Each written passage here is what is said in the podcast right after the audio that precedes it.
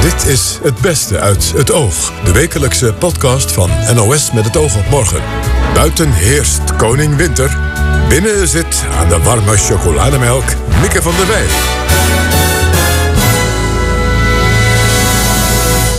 Nou, aan de warme chocolademelk. Ik heb hier wel een, uh, een lekker kopje uh, koffie en natuurlijk water om de mond af en toe te spoelen. Want anders moet u alleen maar luisteren naar van die vieze smekgeluiden. Goed, in ieder geval, de mooiste gesprekken dus uit het oog van de afgelopen week. Fleur van der Bij is 15 als haar zusje op weg naar school wordt aangereden en overlijdt. Ze moet daarna niet alleen haar zusje missen, maar ook haar ouders. Wat ik eigenlijk heb ervaren zelf als kind is dat uh, op het moment dat er een, uh, een kind komt te overlijden, dan gaat bijna als in een reflex gaat de aandacht naar de ouders uit. En uh, dat is natuurlijk logisch. En ik wil ook helemaal niks afdingen op het verdriet van ouders. Maar uh, voor mij was het eigenlijk zoals kind dat ik behalve mijn uh, zusje verloor ook een beetje mijn ouders. Want die waren natuurlijk helemaal in beslag genomen door hun eigen verdriet. Van der Bij besloot recent op zoek te gaan naar meneer Smeets, de man die haar zusje doodreed. En ze schreef er een boek over. Zometeen legt ze uit waarom. Bioloog Jan van Hoofd deelt zijn klimaatzorgen met ons. Zo heeft hij als onderzoeker in Indonesië het aantal orang-oetans sterk achteruit zien gaan. Ik ben uh, eind 70 jaren ben ik voor het eerst in Indonesië geweest. Wij hadden daar een geweldig project. En dat uh, ging over orang-oetans. Ja, god, er zijn er nog een, een 50.000 van op deze wereld. Dat is verdomde weinig. Ik kom uit een gemeente, de Bild Bildhoven. en daar zijn er 40.000. Dus ik bedoel, ja. Hij maakt er nou een grapje van, maar zo grappig is het natuurlijk niet. Maar eerst Donald Trump. Deze week is hij halverwege zijn ambtstermijn. Er is veel kritiek op de man, maar wat heeft hij de afgelopen twee jaar wel goed gedaan? Max van Wezel besprak het met Amerika-kenner Koen Petersen en met Trump-stemmer Ines Hill uit West Virginia. Hij viel meteen met de deur in huis en vroeg aan Koen naar Trumps grootste succes tot nu toe. Ik denk eigenlijk in het kort gezegd dat Trump heeft gedaan wat hij heeft beloofd. En dat heeft hij gedaan op het gebied van wetgeving, bijvoorbeeld met uh, belastingverlaging. Hij heeft dat gedaan met het benoemen van conservatieven, zoals bijvoorbeeld twee rechters in het Hoge Gerechtshof. Hij heeft banen beloofd en de werkloosheid is nog nooit zo laag geweest als uh, nu. En hij heeft ook gezegd dat Amerika minder in het buitenland politieagent moet spelen en hij trekt troepen terug. Dus eigenlijk alle belangrijke punten die hij zijn kiezers heeft beloofd, komt hij na. En voor een politicus is dat vrij bijzonder. Mevrouw Hill, uh, we hebben u vaak in 2016 tijdens de presidentscampagne uh, gebeld. U, u, heeft toen op Trump gestemd. Uh, bent u het eens met wat Koen Petersen nu zegt van hij heeft gedaan wat hij heeft beloofd? Ja, compleet. Ik vond het een hele mooie beschrijving. Um, wij, zien het, wij zien het hier zelfs ook lokaal. Hij wordt hier een beetje genoemd onder het woord... hij is onze jobs president omdat hij zoveel verschillende banen ook voor mensen in de minderheid heeft uh, bewerkt. Uh, we, zien, we gaan dus zien binnenkort als in april onze belastingen terugkomen of te betalen zijn wat, wat het verschil zal zijn. Maar er is dus heel wat beloofd. Um, en, en er is echt een gevoel hier van ja, het is toch wel mooi dat het niet echt... en, en dat, daar krijgt hij dus ook veel kritiek voor... waarschijnlijk in, in andere mate. Maar hij is niet echt een politicus. Hij is meer een pragmaticus. Die, ja, hij, hij bedrijft het land alsof hij, of het een, een zakenman... ja. Dus hij weet een budget op te zetten. Hij gaat toch werken met, met de beste mensen... in de, in de juiste plaatsen die hij die, die, die kan vinden. En als hij er niet blij mee is, dan maakt hij veranderingen. Want het maakt hem weinig uit wat mensen echt over hem denken. De, de, belangrijkste belofte die Trump uh, tijdens die campagne van 2016 deed, was meer banen creëren. Nou, dat klonk zo. I will be the greatest jobs president that God ever created. I tell you that. Koen Petersen, uh, hoeveel banen heeft hij gecreëerd? Um, het is lastig om te zeggen hoeveel banen die precies heeft gecreëerd. Maar de werkloosheid is uh, 3,7% geweest. Inmiddels weer 3,9% Dat is het laagste sinds 1969. Dus van de afgelopen 50 jaar. En uh, je ziet dat de werkloosheid al daalde onder uh, Obama. Maar door de belastingverlaging en het uh, versoepelen van de regels voor bedrijven is dat nog een keer versterkt. Je ziet de knik in de curve de goede richting op gaan. En wat voor Trump heel belangrijk is, is dat de publieke opinie aangeeft dat nu niet zozeer Obama, maar Trump voor de huidige gunstige werkgelegenheid verantwoordelijk is. Dat klopt dus niet helemaal eigenlijk. Nou ja, het is een beetje gedeeld succes. Maar wat voor Trump vooral belangrijk is, dat hij de credits krijgt. Omdat de meeste presidenten worden herkozen op basis van het aantal banen dat ze hebben gecreëerd. En daar heeft Trump uh, tot nu toe heel erg goed mee geboerd. De vraag is wel met de handelsoorlog met uh, China en ook het uh, sluiten van de, uh, de overheid. Wat dat uiteindelijk gaat uh, betekenen. Omdat je nu ook wel in peilingen ziet dat zo'n 15% van de Amerikanen zegt dat ze last beginnen te krijgen van die handelsoorlog. maar er wordt over onderhandeld. Dus het is even in de toekomst kijken hoe dat, hoe dat gaat. Maar de tussenstand ziet er goed uit. Mevrouw Heel, als u om zich heen kijkt in West Virginia waar u woont, is er, is er dan meer werk gekomen? En wat voor werk? Waar? Ja, het is, uh, het is inderdaad, we zien een verschil. Ik ben dus nu al 25 jaar onderwijzeres. En mijn oudste studenten bijvoorbeeld zijn een jaar van ja, laat 30, beginnen 40. En die hebben dus uh, het moeten erkennen dat we de banen verloren hebben over de laatste, ik weet niet, zes jaar. Bijvoorbeeld onder Obama werden er veel koolmijnen dichtgegooid en staalfabrieken, vooral in deze omgeving. En, um, en je ziet nu weer dus veel kooltreinen, die, die lopen weer. Koolmijnen, mijn, mijn schoonvader is een, uh, een retired coalminer... en die, die praat veel nog steeds met mensen op, op zijn vorige werk... en die zegt dat mensen ja, heel erg dankbaar zijn... Want, want door zijn policies komen die koolmijnen nu weer open... en de staalfabrieken die beginnen weer op. Dus er worden steeds meer banen worden opgebracht... en die staan weer vrij om mensen aan te nemen. Dus dat zien we wel zeker in, in onze omgeving. En je hoort het ook veel. En ik geloof dat daarom... Ja, er is, een, er is een grotere hoop die zich steeds meer bevestigt in onze omgeving. En dat de Amerikaanse mensen hier dus ook zeggen dat hij, hij om, om je geeft, om, om ons geeft als Amerikanen. Uh, en dat hij echt doet wat in het interesse staat van het Amerikaanse um, burger.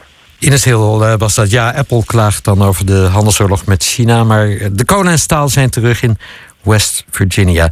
Uh, Koen, um, een van zijn andere beloftes was van ja, de vergeten Amerikanen weer een stem geven. Heeft hij dat gedaan? Ja, ik denk het wel. Want hij heeft niet alleen die inhoudelijke punten gerealiseerd die, uh, die we al eerder bespraken. Maar hij heeft ook uh, de strijd met het establishment aan, is die, aangevangen. hij heeft gezegd, politiek Washington is veel te veel gesloten bastion. Uh, en de Amerikanen hadden ook weinig vertrouwen erin. In de tijd van Obama al zei 30% van de Amerikanen dat ze vertrouwen hadden in het presidentschap. 70% niet. 20% in de massamedia, 80% niet. 90% had geen vertrouwen in het parlement, 10% wel. Dus dat is best wel een serieus uh, iets. Alleen het leger heeft het uh, vertrouwen van de meerderheid van de bevolking, zo'n 70%. En alle instituties voor de rest heel weinig. Dus daar voert hij de strijd tegen. En dat werkt vrij disruptief. Maar de Amerikanen voelen zich wel gehoord. Omdat ze toch wel willen dat het wordt opengebroken. En wat vooral heel belangrijk is, is dat hij heeft laten zien dat die groep een hele belangrijke groep is. Die is altijd een beetje door de Democraten voor uh, standaard stemmer aangenomen. Dan hoef je geen folders in de bus te doen, want die stemmen toch wel op de Democraten. Nu zie je dat er echt hard om wordt gevochten, omdat ze het verschil hebben gemaakt met de afgelopen verkiezingen. En dat waarschijnlijk in 2020 ook weer gaan doen. Dus ze zijn echt een politieke factor geworden. En dat geeft, denk ik, die mensen heel veel zelfrespect en de bevestiging dat ze er ook toe doen. En dat de mening ook, net als die van de mensen in de grote steden, heel erg relevant is. Mevrouw Heel, gaat u volgende keer weer op Trump stemmen? Ja, dat uh, ben ik nu op het ogenblik nog wel van plan. Koen Petersen wordt hij in 2020 herkozen als president? Ik denk het wel, maar dan moet hij wel een deal hebben met China... die er niet voor zorgt dat de werkgelegenheid weer uh, gaat kelderen. Trump voor president in 2020? We zullen zien. The Garden of Eden is no more, zei Sir David Attenborough eerder deze week op het World Economic Forum in Davos. Wilfried de Jong sprak met bioloog Jan van Hoof, die zijn wereldberoemde beroepsgenoot groot gelijk geeft. We beginnen met een stukje van die speech. Global businesses, international cooperation and the striving for ideals, these are all possible because for millennia on a global scale, nature has been largely predictable and stable. Now, in the space of one human lifetime, indeed, in the space of my lifetime, all that has changed. The Holocene has ended. The Garden of Eden is no more. Ja. Hij zegt dat hè, zelfs in, in zijn periode, hij is ook maar in de negentig, Ja. dat hij ziet dat de wereld echt veranderd is en dat het Hof van Ede eigenlijk is, is eh, verdwenen. Wat bedoelt hij daarmee, denkt hij? Daar bedoelt hij eigenlijk het volgende mee. We hebben, eh, de mensheid bestaat al, Homo sapiens, onze Ja. soort, bestaat al 200.000 jaar. Daarvan heeft hij het gros van de tijd geleefd in een volkomen evenwicht met de natuur als jager-verzamelaar. In evenwicht met zijn prooidier en alles en nog wat. Dan zo'n 6, 7, 8000 jaar geleden gaan we de landbouw krijgen. Veeteelt gaat de mens zich vestigen. En ineens neemt de bevolkingsdichtheid op de aarde toe. Want er is ineens meer voer eten. En dat gebeurt in Mesopotamië, het land van melk en honing. En vandaar breidt het zich uit. Maar dan verandert er eigenlijk tot eigenlijk zo'n 150, 200.000, 200 jaar geleden verandert de wereld niet zoveel. Als je door Afrika zou reizen in die tijd en 100 jaar, 200 jaar geleden, vond je hetzelfde Afrika. Ja. De wereld was hetzelfde. En dan ineens, je zou kunnen zeggen, na de Franse revolutie, na de Frans, begint de industriële evolutie. En ineens gaan we in een explosie. We veranderen de wereld, aanvankelijk nog heel bescheiden, maar nu zo grandioos dat als je daarnaar kijkt en je ziet dat tempo waarin het gebeurt, en we kennen allemaal die mooie grafiekjes van de CO2 die toeneemt. Ja. En dan is er een heleboel debat en dan zijn oh, of, eh, klimaatskeptici die zeggen ja, maar dat zou toch wel gebeurd zijn. En wetenschappers die daar serieus over nagedacht hebben en dat bekeken. En die zeggen: nee, dat zou niet in deze mate zo gebeurd zijn. Dat hebben wij zelf in de hand. En waar eh Attenborough dus voor waarschuwt, die zegt: ja, de tijd van de Hof van Ede. Dat wij zo gemakkelijk leefden. En dat we in evenwicht, Ja. ondanks alle technische vooruitgang leven. Ja, die is voorbij. Ja. Heeft dat bij u een belletje doen rinkelen? Schrok u van zijn woorden? Of dacht u van ja, dit, dit ken ik zelf ook wel? Ik, ben bioloog, dit vooraanstaand. ook. En de gedachte is natuurlijk niet nieuw. Ehm, er zijn er meerdere die dat gezegd hebben. Want de term antropoceen die hij dan uithuidt. Hij zegt, eigenlijk gaan we op dit moment... een hele nieuwe periode in de aardgeschiedenis in. De aardgeschiedenis wordt ingedeeld in aardtijdperken. Ja. Van zo'n 4,5 miljard jaar geleden begint dat. En we zitten nu in het Holoceen. Dat is de tijd van nu. En daarin is de mensheid heeft zich gevestigd. Maar zegt, nu gebeurt er iets anders. De laatste, zeg maar rustig, 100, de laatste 50 jaar zijn we ineens zo het aanzien van de aarde aan het veranderen. En hij zegt, het gebeurt verdomd plotseling. Maar in zijn levensduur is dat veranderd. En toch voor de meeste mensen, we zien het niet. Nee, We maar hij het maakt maar- een duidelijk cesuur. Hij zegt, we zijn nu in het antropoceen beland. Hè, Ja. waar- waarin de mens eigenlijk centraal staat en de baas is geworden. Dat is Ja. nogal een uitspraak eigenlijk. Hè, dat, je de, dat je de voorzienigheid hebt maar zeggen. We zijn in een nieuwe fase beland met de wereld. We zijn in een nieuwe fase beland. En dat zijn we in een paar opzichten. Ten eerste omdat we het milieu grandioos veranderen. Denk aan biodiversiteit. Dat neemt af. We zijn in het tijdperk van het uitsterven van de grote zoogdieren. Die sterven uit. Ja, er blijven grote zoogdieren over. Koeien, schapen, runderen. Ja. En, maar hun wilde voorouders, die zijn we kwijt. En de laatste olifanten, de laatste giraffen. Ja, over 50, 100 jaar, veel eerder, leven die in nationale parken. Ja. Waar je niet meer uitkomt. Dus die dieren, dat zijn. Heeft u dat zelf ook ervaren als bioloog? Bedoel, wij gaan nu hebben Ja, over Edinburgh, maar u, u trekt de wereld ook Ja. door en u kijkt ook rond. Ja, ik heb, eh, als ik in mijn. Ik ben eh, eind 70 jaren ben ik voor het eerst in Indonesië geweest. Wij hadden daar een geweldig project. En dat eh, ging over orang-oetans. Een van onze naaste verwanten, een van de drie grote mensapensoorten. En die, ja, god, er zijn er nog een, een 50.000 van op deze wereld. Dat is verdomde weinig. Ik kom uit een gemeente, de Bild Beeldhoven.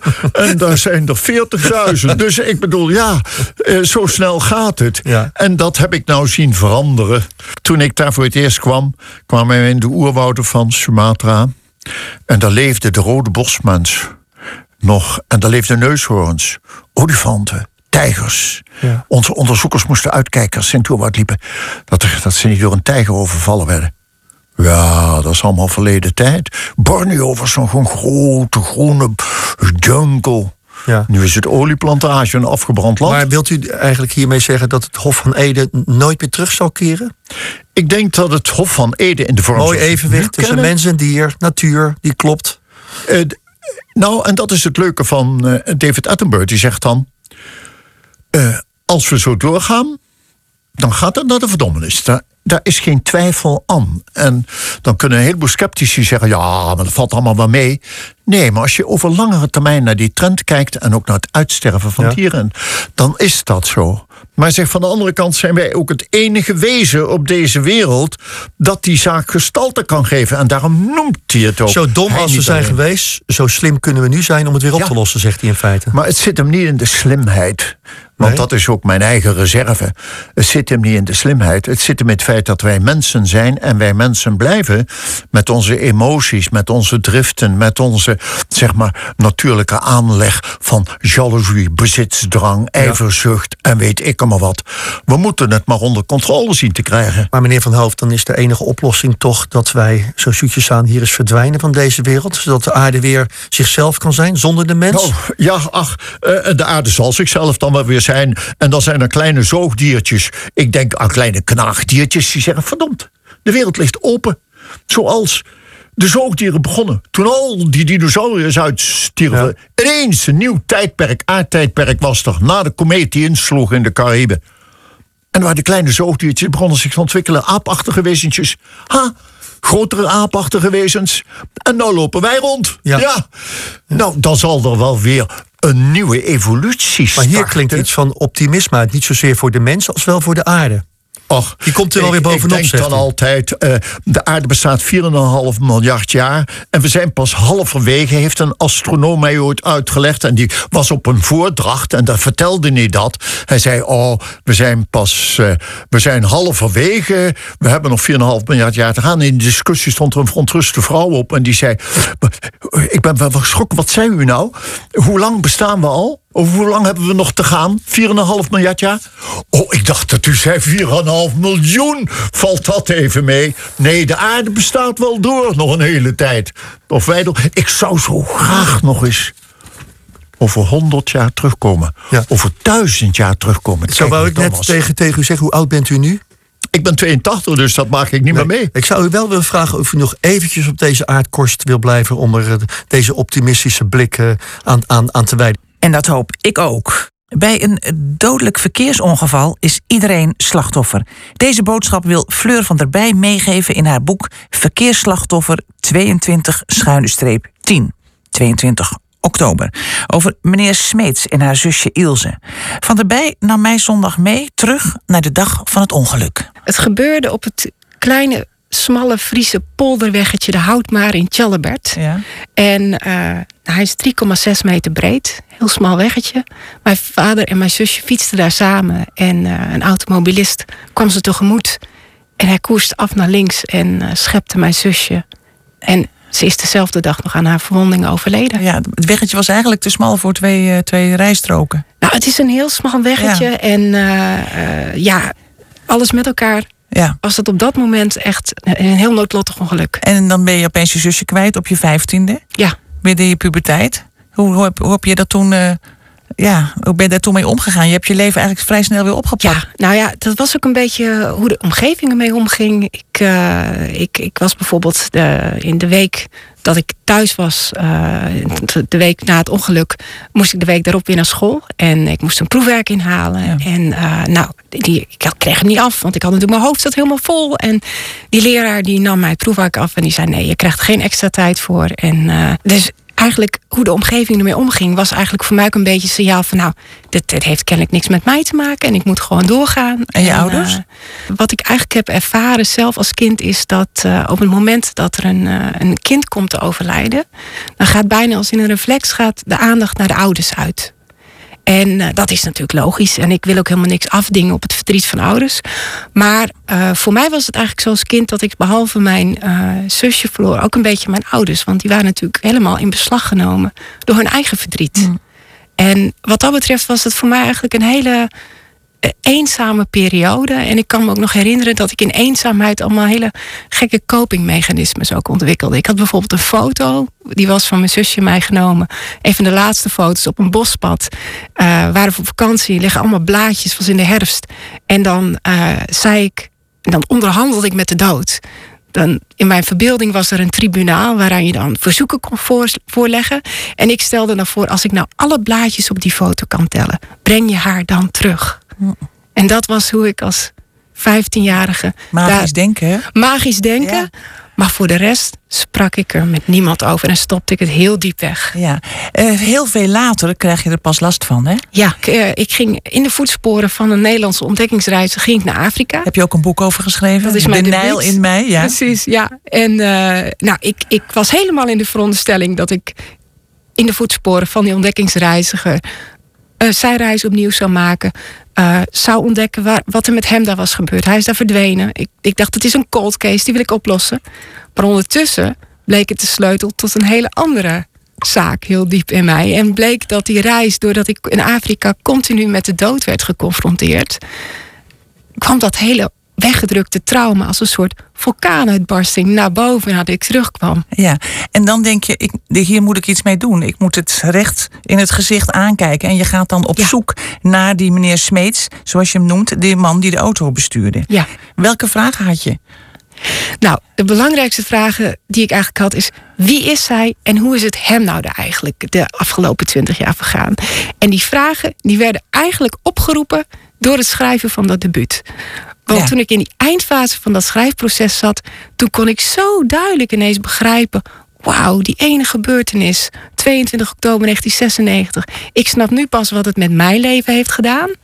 Maar hoe is dat nou voor hem? En het was niet per se een, een beschuldigende vraag of dat ik hem ter verantwoording wilde roepen, maar ik was oprecht geïnteresseerd in onze parallele levens. Je was niet boos op hem. Nou, kijk, ik heb me wel tijdens die zoektocht tot deze man moeten leren verhouden. Ja, want heb je hem iets nagedragen? Je schrijft op pagina 95, maar als er geen sprake is van schuld of opzet, kun je als nabestaande je woede op niemand afreageren. Ja, nou wat ik heel vaak als een reactie krijg wel eens, eh, is dan, dan vragen mensen van, eh, ja, was er nou alcohol of iets strafbaars in het spel? En dan zeg ik nee en dan is het, oh, dan is het vast makkelijker. Maar dat is natuurlijk helemaal niet zo. Dat is heel gek. Maar die man staat natuurlijk toch wel een beetje links, te veel links op de weg, of niet? Ja, en kijk maar, dan kom je eigenlijk ook uit op die interessante vraag: wanneer ben je nou een dader en wanneer ben je een veroorzaker? En eh, ik, ik kwam er dus persoonlijk achter op mijn zoektocht dat er een heel grijs gebied is aan daders en veroorzakers. Ja, en, uiteindelijk zeg je, is hij ook een slachtoffer? Nou ja, ik zie eigenlijk in die situatie alleen maar slachtoffers. En, eh, en ik, ik denk dat het ook in, ja, belangrijk is om, om ook bij jezelf bij stil te staan. We zijn in potentie allemaal een veroorzaker. Ja. Wij kunnen dit allemaal tussen haakjes op ons geweten hebben. Heb je hem uiteindelijk gesproken? Nou, ik weet het, want ik heb het boek gelezen, maar misschien, Ik als je- zeg altijd zeg van, het maar niet. Dan ik zeg even altijd van, ik heb hem ontmoet, maar niet op de manier die je verwacht. Ja. En ik zeg ook altijd van, ik, ik heb zelf het gevoel, ik ben op een gegeven moment op de vlucht geslagen naar Afrika langs de Nijl. Hij is op de vlucht geslagen op een ontdekkingsreis op open zee. Hij is gaan, hij is gaan zeilen, hè? Dat, eh, Ja. daar ben je ook achter gekomen. En we zijn verbonden door water. Je boek is niet alleen een beschrijving van die zoektocht, maar ook een pamflet. Hè? Een oproep om meer oog te hebben voor de zogenaamde dader-veroorzakers en hun trauma. Dus dan hebben we het niet over de idioten in het verkeer, maar over mannen zoals hij. Is daar te weinig, je vindt dat daar te weinig oog voor is, te weinig begrip? Nou, Want je bent ook naar zo'n bijeenkomst gegaan, hè? Ja, ik ben inderdaad voor het eerst in mijn leven bij een lotgenotenbijeenkomst geweest. Nou, dat was een hele stap voor mij, want ik had een enorm anti-slachtofferschap opgebouwd. En eh na die bijeenkomst gaan was voor mij een eerste stap om ook, nou ja, dat deel van mijzelf te erkennen. Ja. En eh, wat ik daar bijvoorbeeld meemaakte, was ik kwam daar sowieso eh heel interessante ontmoeting met een man en zijn dochter. Zij waren net een eh, vrouw, moeder verloren. Een meisje bleek ook 15 te zijn, dezelfde leeftijd als ik. Dus die keek mij echt als een spiegel aan. Maar zij hadden bijvoorbeeld te maken met een zwijgende veroorzaker. Had schijnbaar ook geen strafbare feiten gepleegd, maar wilde daar niks over zeggen. Ja, dat werd hem natuurlijk door zijn advocaat aangedaan. En dat was zo frustrerend voor hen. Want alles wat zij wilden weten was: wat is er nou gebeurd? En, en voor de verwerking is het ook heel goed, juist om te weten wat er nou precies is gebeurd. Ja. Hoe gruwelijk het ook is. En op zo'n moment denk ik: eigenlijk zijn dat de momenten waarop je daders, slachtoffers, veroorzakers en slachtoffers zo graag met elkaar in verbinding zou willen brengen. Ja. Omdat. eh, van de kant van de slachtoffers, die kunnen opheldering krijgen. Wat er nou echt gebeurd is. En omgekeerd, het is voor zo'n dader denk ik ook fantastisch om dan te horen van een slachtoffer. Nou, wat fijn dat je me dit hebt verteld. En nou, eh, ik kan je vergeven of ik kan in ieder geval verder. En dat beide partijen dan er beter, voor zover dat nog kan, maar in ieder geval verder kunnen met hun leven. Motocoureur Mirjam Pol was koud gefinished in de Dakar-rally toen ze al bij Chris Keijne aanschoof. Maandag was dat. Ze eindigde als beste Nederlandse vrouw en was 48ste in het totaalklassement. En dat is hartstikke goed voor de race door de Peruaanse duinen, die zo klonk.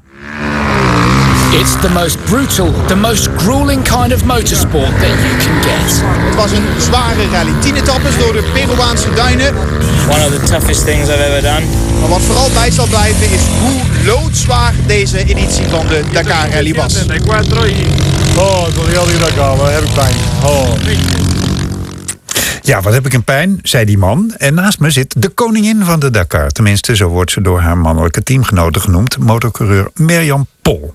Welkom. Goedenavond, dank je. Wat fijn dat je er bent. Je bent net terug van je zevende Dakar-rally. En eh, heb jij dan ook zo'n spierpijn na tien dagen crossen? Ik moet heel eerlijk zeggen, ik ben er dit jaar eh, fysiek gezien zeker gewoon heel goed doorheen gerold. Ja. Eh, vorig jaar was voor mij een editie, ja, alles wat tegen kon zitten, zat tegen. Ja. Ik brak al vrij eh, vroeg mijn onderarm en ehm, heb daar nog wel de, de eindstreep mee weten te halen. Ik heb daar nog tien dagen mee doorgereden, maar dan, dan ben je het ook wel zat aan het eind. Ja, dat kan ik me voorstellen trouwens. Ik kan me helemaal niet voorstellen. Ik heb beelden gezien en het, het, het, het is ongelooflijk wat jullie allemaal moeten doen. Dat je dat met een gebroken onderarm doet. Eh, nee, maar het is heel makkelijk. Ik ben altijd van, eh, ik ga het proberen en wil het niet, wil het niet. Nee. Kijk, en ik heb het geprobeerd en het ging eigenlijk eh, gewoon toen eh, ja, heel goed. En dit jaar eh, een andere motor die mij heel veel meer en beter lag. De vorige was voor mij eigenlijk gewoon eigenlijk net iets te groot, te lomp, te log, te zwaar. Die wilde bij mij alleen maar heel hard rechtdoor. Ja, dat, is, dat is lastig als je af en toe af wilt slaan.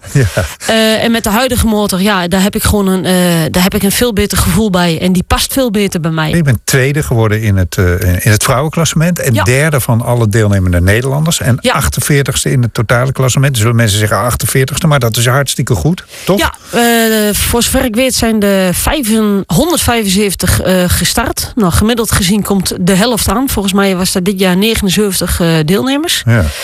Ehm, en eh, ja, het gaat ieder jaar harder. Dus de top 50 is echt wel. eh, en dat is ook iets waar ik echt tot de laatste dag ook echt voor gestreden heb. Veel rijders de laatste dag gaan ze toch wel iets op de rem. Eh, en ik had zoiets. eh, ja, er stond er nog één voor mij in het klassement. Ik was op dat moment eh, 50ste of 51ste. en ik had zoiets van ja, het, het, is, het is de hele rally al goed gegaan. Ik denk, ik ga er gewoon voor. en, zo gaat dat. Ja. En dan toch heel even zeuren. Tweede bij de vrouwen. De, de, de eerste vrouw was de Spaanse Laia Ja. Kon je die niet hebben? Eh, nee, maar het leuke is, er is geen enkele Nederlander die die kan hebben. Ook geen mannen. Oké. Dus die is echt, eh, ja, elke generatie heb je er eigenlijk eentje van de buitencategorie.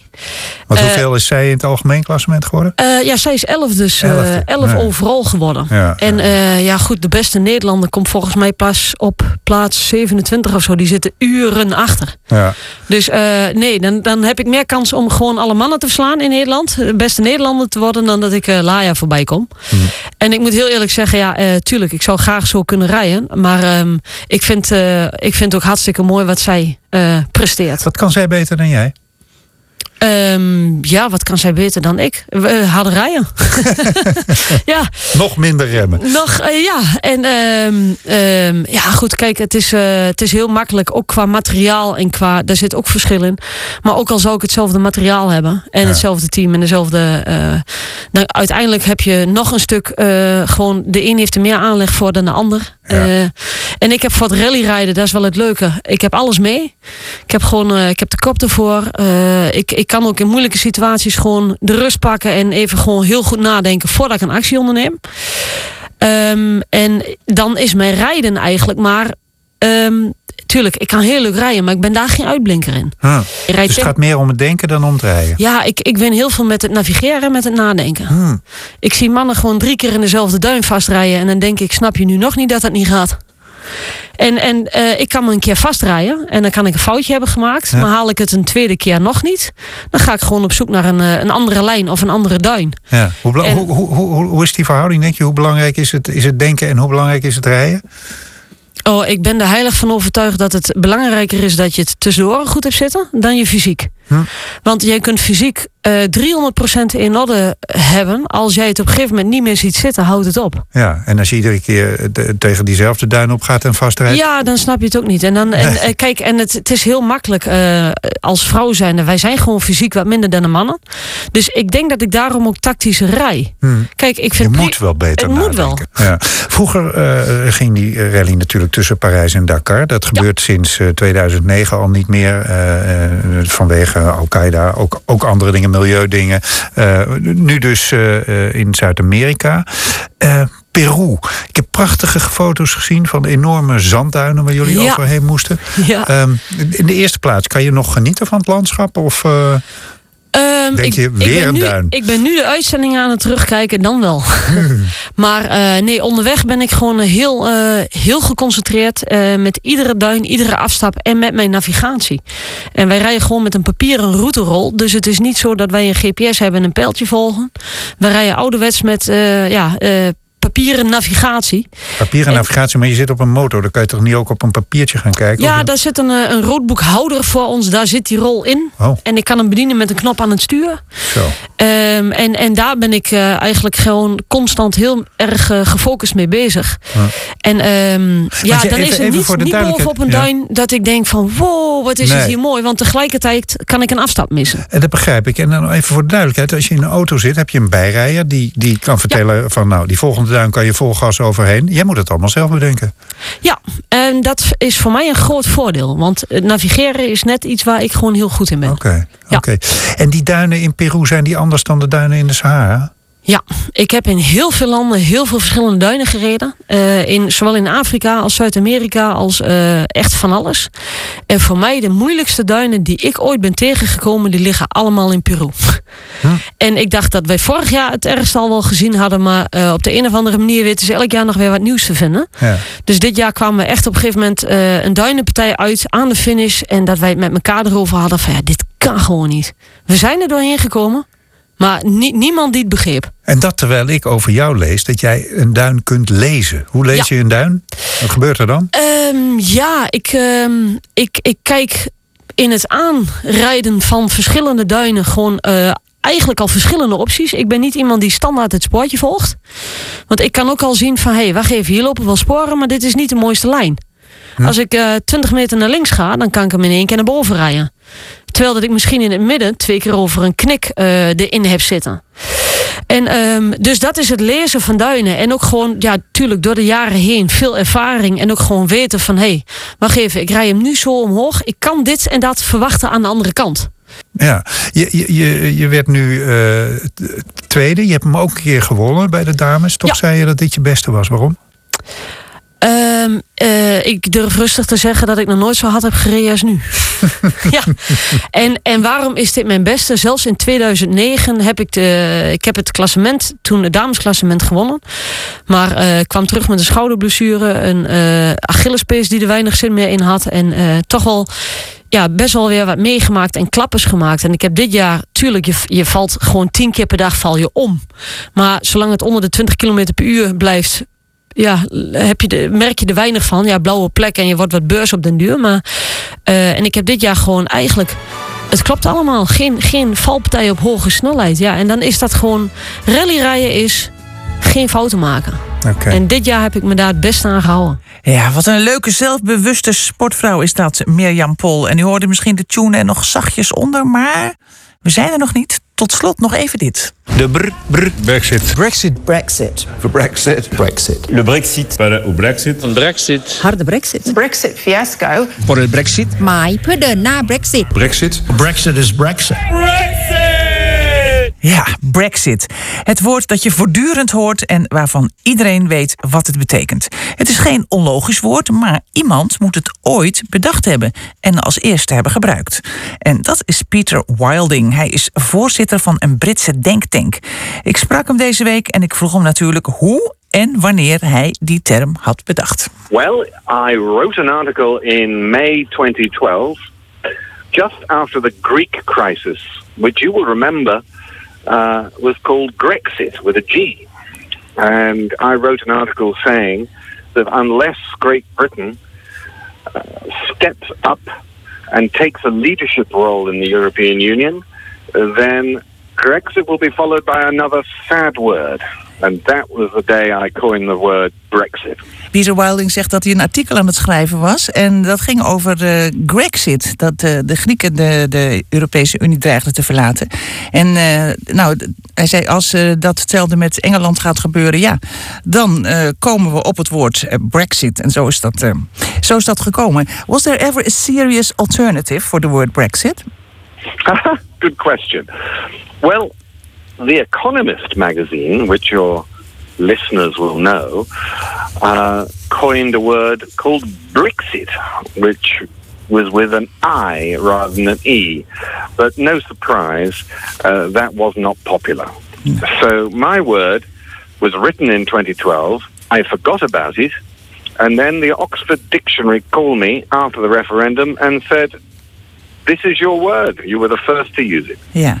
Nou, ik vroeg hem of er ooit een serieus alternatief was geweest. En toen zei hij ja, dat is grappig dat je dat vraagt. Dat was er wel. Dat was namelijk Brexit. Maar uiteindelijk is dat het niet geworden. En toen werd ik in 2012 opgebeld door iemand van uh, een Britse woordenboek. En uh, die zei, nou, het woord wordt opgenomen en jij hebt het voor het eerst gemunt. Brexit is used all the time and everywhere. How does that make you feel? Well, it's obviously one of those strange things in life. Um, it would make me feel better if, under intellectual property law, you could copyright a word, um, but of course you can't. So it makes me feel. Um, uh, it makes me feel sad that a word that I used when I wrote the article and I said Britain should lead in Europe ended up with Britain leaving the European Union. Yeah. Uh, so my emotional reaction is sadness. Ja, dat is een van die rare dingen in het leven, zegt hij. Hij had heel graag het copyright willen hebben, maar dat kan wettelijk niet. Copyright op een woord. En nu blijft er verdriet over, omdat hij het woord gebruikte in de hoop dat het Engeland zou verbinden, maar het wordt nu nog maar alleen gebruikt voor het vertrek van Engeland uit de EU. My last question is this: What would your advice be for a Dutch withdrawal? Would that be Nexit or Duxit? I would call it Dexit.